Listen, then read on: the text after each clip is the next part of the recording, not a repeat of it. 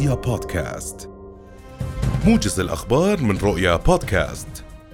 أحبطت المنطقة العسكرية الجنوبية فجر اليوم محاولة تسلل سبعة أشخاص من الجنسية السريلانكية وفق مصدر عسكري مسؤول في القيادة العامة للقوات المسلحة الأردنية الجيش العربي.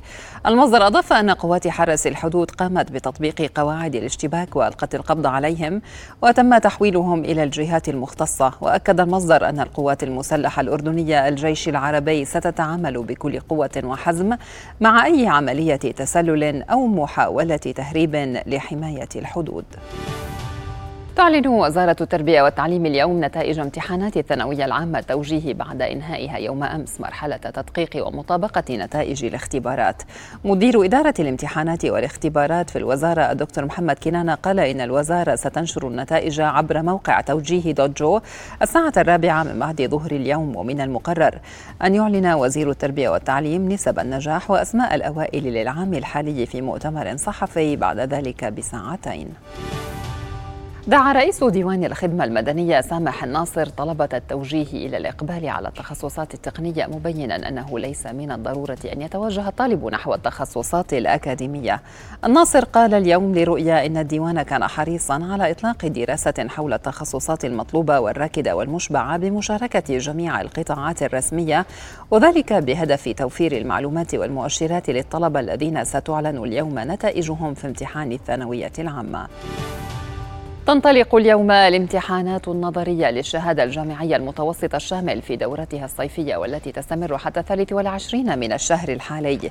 وبحسب رئيس جامعة البلقاء التطبيقية رئيس اللجنة العليا لامتحان الشهادة الجامعية المتوسطة الشامل أحمد العجلوني فإن الجامعة استكملت الإجراءات اللازمة لعقد الامتحانات حيث من المتوقع أن يتقدم لها 6764 طالبا وطالبا من 54 كلية جامعية وكلية كلية جامعية متوسطة تشرف عليها الجامعة. أخمدت فرق الإطفاء في مديرية دفاع مدني العقبة فجر اليوم حريقا شب في مستودع تابع لشركة العقبة اللوجستية في المنطقة الجنوبية.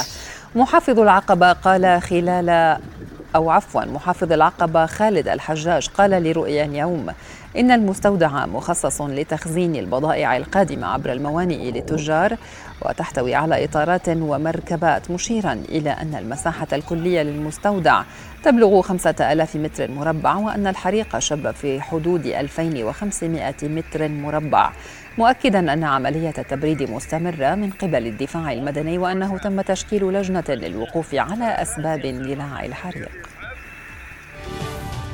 أعلنت روسيا اليوم إسقاط دفاعاتها الجوية ثلاث مسيرات أوكرانية فوق منطقة كالوغا جنوب غرب موسكو في أحدث هجوم من هذا النوع. يستهدف مناطق مجاورة في العاصمة. وزارة الدفاع الروسية أوضحت أن كل المسيرات التي رصدت تم تدميرها عبر أنظمة الدفاع الجوي مشيرة إلى أن الحادث لم يؤدي إلى سقوط قتلى أو جرحى. وتزايدت في الأسابيع الماضية الهجمات بالمسيرات التي تستهدف الأراضي الروسية أو مناطق خاضعة لسيطرتها.